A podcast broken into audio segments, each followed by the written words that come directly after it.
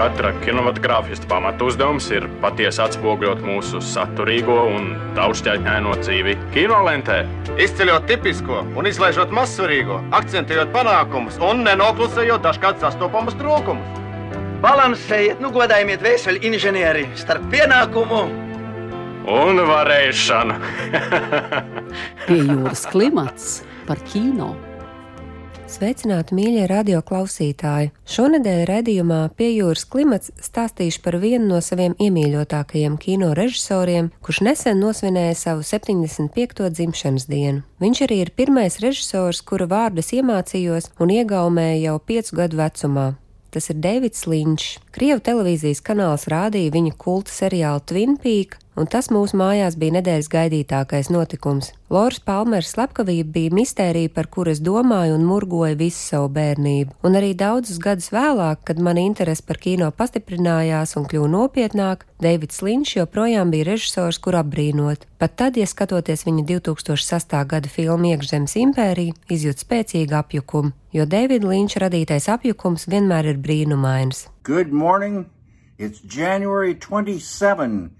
2021, and it's a Wednesday. Labrīt! Ir 2021. gada 27. janvāris. Un ir trešdiena. Šeit, Losandželosā, mākoņains rīts, būs viegls vējiņš, 46 grādi pēc Fahrenheita vai aptuveni 8 pēc Celsija. Šodien es domāju par Beatlu dziesmu A Day in the Life. Vajadzētu pacelties līdz kādiem 57 grādiem pēc Fahrenheita, ap 14 pēc Celsija, un izskatās, ka mums būs mākoņi visu dienu. Bet tas nekas. Visi, lai jums lieliska diena! Šādas laika ziņas piedāvā Deivids Linčs, un šīs ir labākās laika ziņas visā pasaulē. Deivids Kits Linčs ir dzimis Misūlā, Montānas štatā 1946. gada 20. janvārī un tiek dēvēts par pirmo populāro sirreālistu. Viņš ir trīsreiz nominēts Oskara balvai kā labākais režisors, kā arī saņēmis zelta lauvas balvu Venēcijas kinofestivālā par mūža ieguldījumu kino.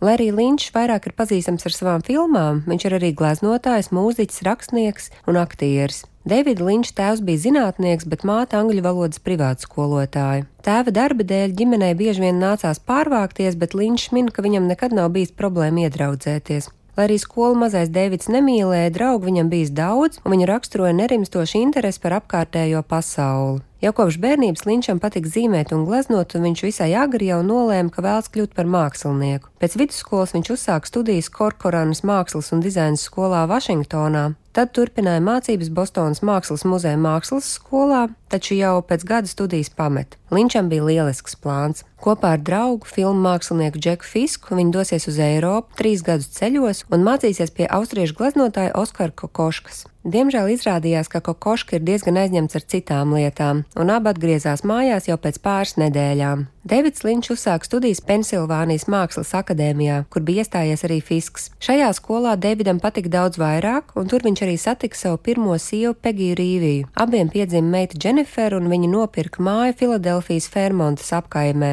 Māja bija salīdzinoši lēta, jo tas skatījās bīstams rajons. Kā pats Linčs atceras, mēs dzīvojām lēti, bet pilsēta bija pilna ar bailēm. Mūs divreiz apzaga, mūsu logus caušāva lodes un mums nozaga mašīnu. Mūsu mājā pirmoreiz ielauzās tikai trīs dienas pēc tam, kad bijām tur ievākušies. Sajūta bija ļoti tuva ekstrēmām briesmām un bailes bija ļoti intensīvas. Apkārt bija vardarbība un naids un netīrumi, bet šī pilsēta bija vislielākā ietekme visā manā dzīvē. 1967. gadā Pensilvānijas akadēmijā Linčs nolēma uzņemt savu pirmo īsfilmu - Seši vīri vēmi sešas reizes. Viņš iegādājās lētāko 16 mm kameru un ķērās pie darba. Īsfilma saņēma pirmo vietu akadēmijas ikgadējā skatē.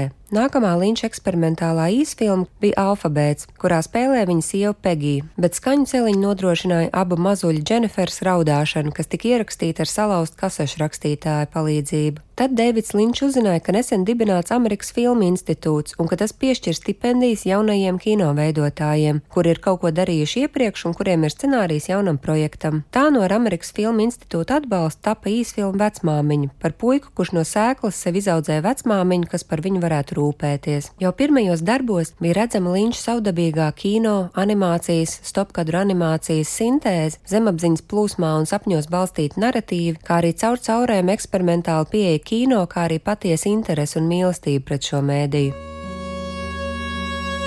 Pie jūras klimats par kino.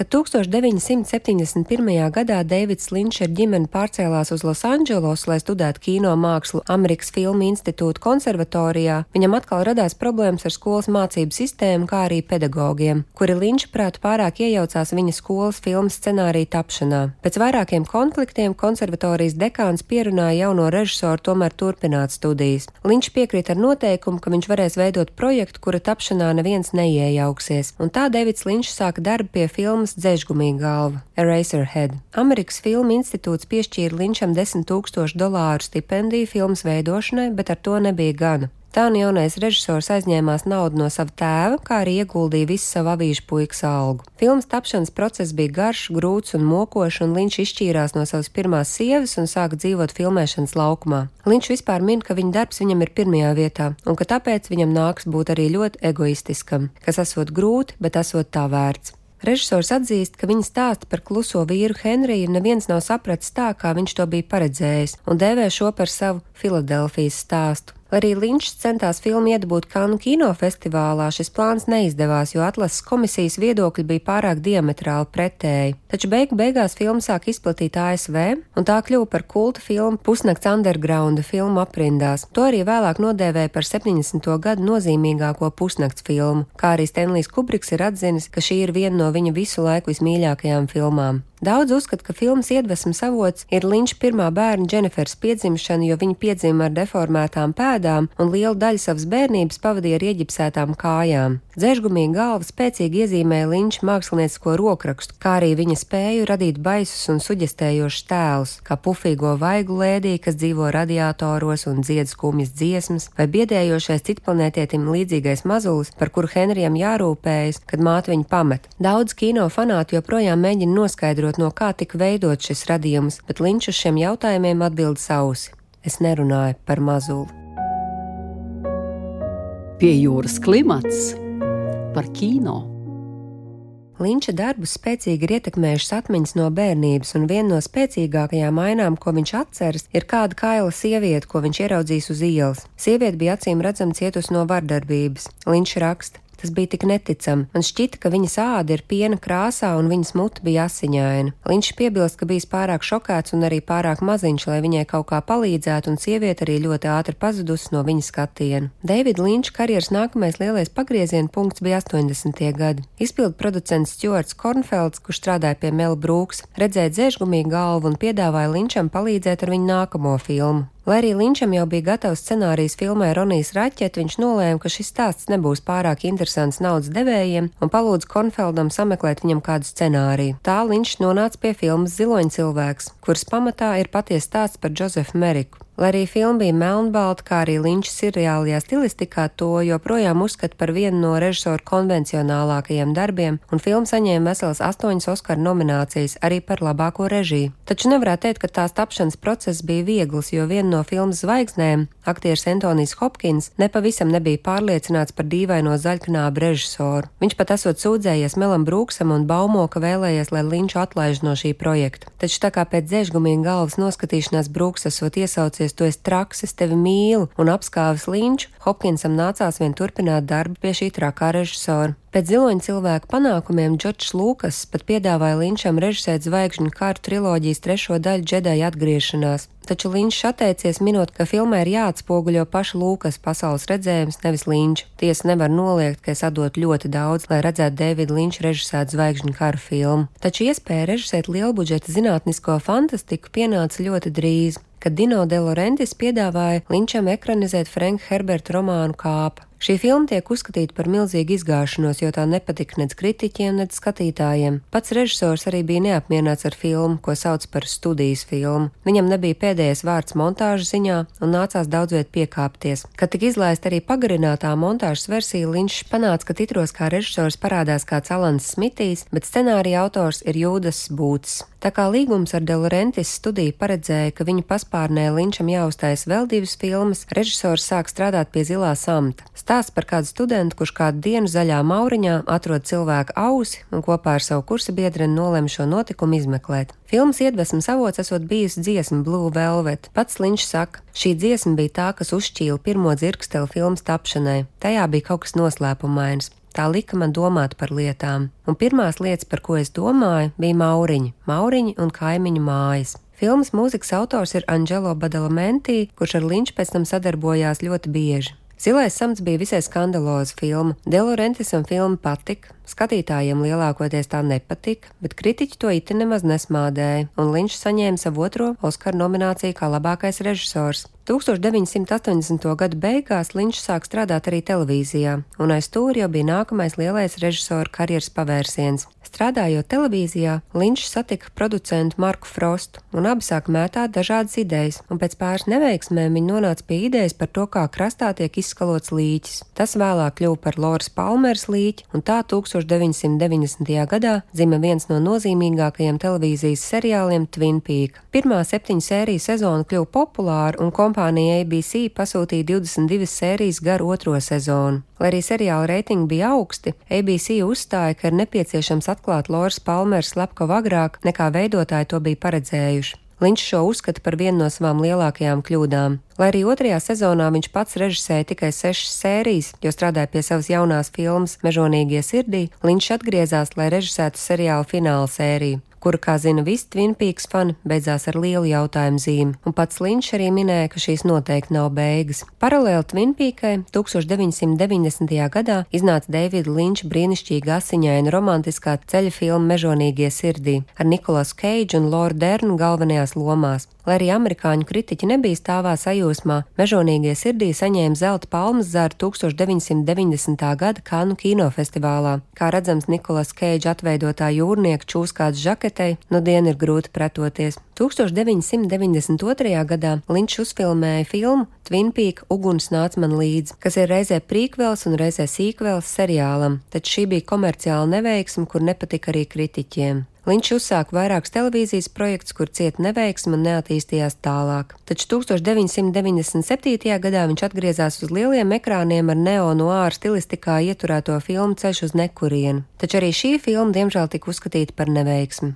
1999. gadā Deivids Linčs nošokēja Kanu kinofestivālu, taču netipiski sev nevis ar vardarbību vai šausminošām ainām, bet tieši ar to, ka viņa jaunākajā filmā Straita stāsts nebija nekā no tā. Tas ir vienkāršs, aizkustinošs stāsts par to, kā Elvins Straits dodas garā ceļā pie savu brāļa par braucamrīku izmantojot zāles pļāvēju. Pats Deivids Linčs filmas galveno varoni Elvinu Straitu ir salīdzinājis ar Džeimsu Dīnu, bet tikai vecu. Jāsaka, pēc šīs filmas bija skaidrs, ka nekad nevar zināt, ko var sagaidīt no Davida Linča. Pie jūras klimats par kino. Davida Linča nākamā filma, 2001. gada Malholandas ceļš, sākotnēji arī bija paredzēta kā televīzijas seriāls kompānijas ABC paspārnē, taču režisoru un televīzijas kompānijas domstarpību dēļ projekts tika apstādināts. Taču tad iesaistījās franču producentu kompānija Studio Canal, kas projektam piešķīra 7 miljonus dolāru, un tā tapa filmetrāžas filma. Baisa stāsts par Holivudas tumšo pusi. Par šo filmu Deivids Linčs saņēma labākā režisora balvu 2001. gada Kanu kinofestivālā, kā arī ieguva savu trešo nomināciju Oskaram. Pēc šīs filmas Linčs ir veidojis dažādas projekts interneta platformās, piemēram, Stulba zeme un Truši. Tie ir eksperimentāli, ja tā var teikt, seriāli, bez lineāra sižeta. Nākamā Davida Linča filmetrāžas filma bija trīs stundas garā 2006. gada filma Iekšzemes impērija ar Loru Dernu galvenajā lomā. Filma ir filmēta ar digitālo kameru, aiz kuras kā operators stāv pats Davids Linčs. Viņš ir arī izteicies, ka turpmāk filmēs tikai digitāli, jo tas sniedzot plašāku telpu, kur sapņot, kā arī plašākas iespējas pēcapstrādes procesā. Iekšzemes impērija savu pirmizrādi piedzīvoja Venecijas kinofestivālā, bet ASV tika izplatīta tikai ierobežotos kinoteātros. Pēc iekšzemes impērijas šķita, ka Linčs ir atmetis kino ar roku. Viņš veidoja dažādas īsfilmas, sadarbojās ar mūziķiem pie koncertu filmām, videoklipiem un video instalācijām, turpināja rakstīt un nodarboties ar fotografiju un mūziku. Taču piepieši 2014. gadā klajā nāca ziņas, kas satricināja daudzas sirdis. Linčs ar Frostu veidos jaunu Twin Peaks sezonu Showtime paspārnē. Tad fanu sirdis pamira, jo Linčs paziņoja, ka tomēr jauno sezonu nerežisēs, jo budžets esot pārāk mazs. Taču beig beigās mums visiem par lielu laimi konflikts tika atrisināts, un Twin Peaks trešā sezona piedzīvoja savu pirmizrādi 2017. gada maijā. Un līdzīgi kā 1990. gadā, arī jaunā Twin Peaks kļuva par vienu no nozīmīgākajiem notikumiem uz mazajiem ekrāniem. Deivids Linčs joprojām izsakās atturīgi par iespēju, ka režisēs vēl kādu filmu lielajam ekrānam. Viņaprāt, kinofilmas ir kļuvušas pārāk īsas, un viņam nepatīkot šādi ierobežojumi. Tādā ziņā televīzijas formāts esot daudz pateicīgāks. Tā kā tiek runāts, ka šī gada maijā Linčs sāk filmēt jaunu seriālu straumēšanas platformai Netflix, varam cerēt uz kaut ko jaunu no šī neatkārtojamā režisora. Lai arī klīst baumas, ka arī pats Linčs nesaprotot savas filmas, tās sot pilnīgas muļķības. Pats režisors skaidro, man ir pašam jāzina, ko lietas nozīmē un kas notiek. Reizēm man rodas idejas, un es nezinu, ko tieši tās nozīmē. Tā nu es par to domāju un mēģinu saprast, lai man pašam sev ir atbilde. Taču ar savu darbu skaidrošanu režisors neaizraujas, ar to jātiek galā pašiem, jo kino valoda ir vizuāla, bet skaidrošana ir verbāla, un vārdi visu saplacinot. Tāpat arī režisors nelasot recenzijas, jo labās nav gana labas, un sliktās vienkārši tevi nomāks. Par spīti tam, ka viņa darbi ir pilni ar cilvēces tumšākās puses atviedojumiem un klejojumiem zemapziņas baisākajos nostūros, pats Linčs ir pozitīvismu iemiesojums, kurš aizraujas ar transcendentālo meditāciju, mīl kafiju un cigaretes, tic reinkarnācijai un saka: Es mīlu savu dzīvi un esmu laimīgs. Būtu jauki, ja mēs visi varētu piepildīt savas vēlmes un dzīvot labas, ilgas un laimīgas dzīves. Tāpat laikā viņš uzskata, ka dzīve ir īsts ceļojums, bet tā vienmēr turpinās. Mēs tiksimies atkal. Apgaismībā tu saproti, kas tu patiesībā esi, un tu ieej nemirstībā. Tev pēc tam nekad vairs nav jāmirst. Pie jūras klimats par kino. Novēlot Davidam Linčam vēl garu un ražīgu mūžu, es no jums atvedos līdz nākamajai reizei.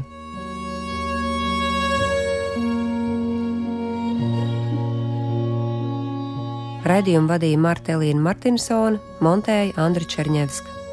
Raidījuma piejūras klimats producente Inga Saksona. Raidījums tapis ar valsts kultūra kapitāla fonda finansiālu atbalstu.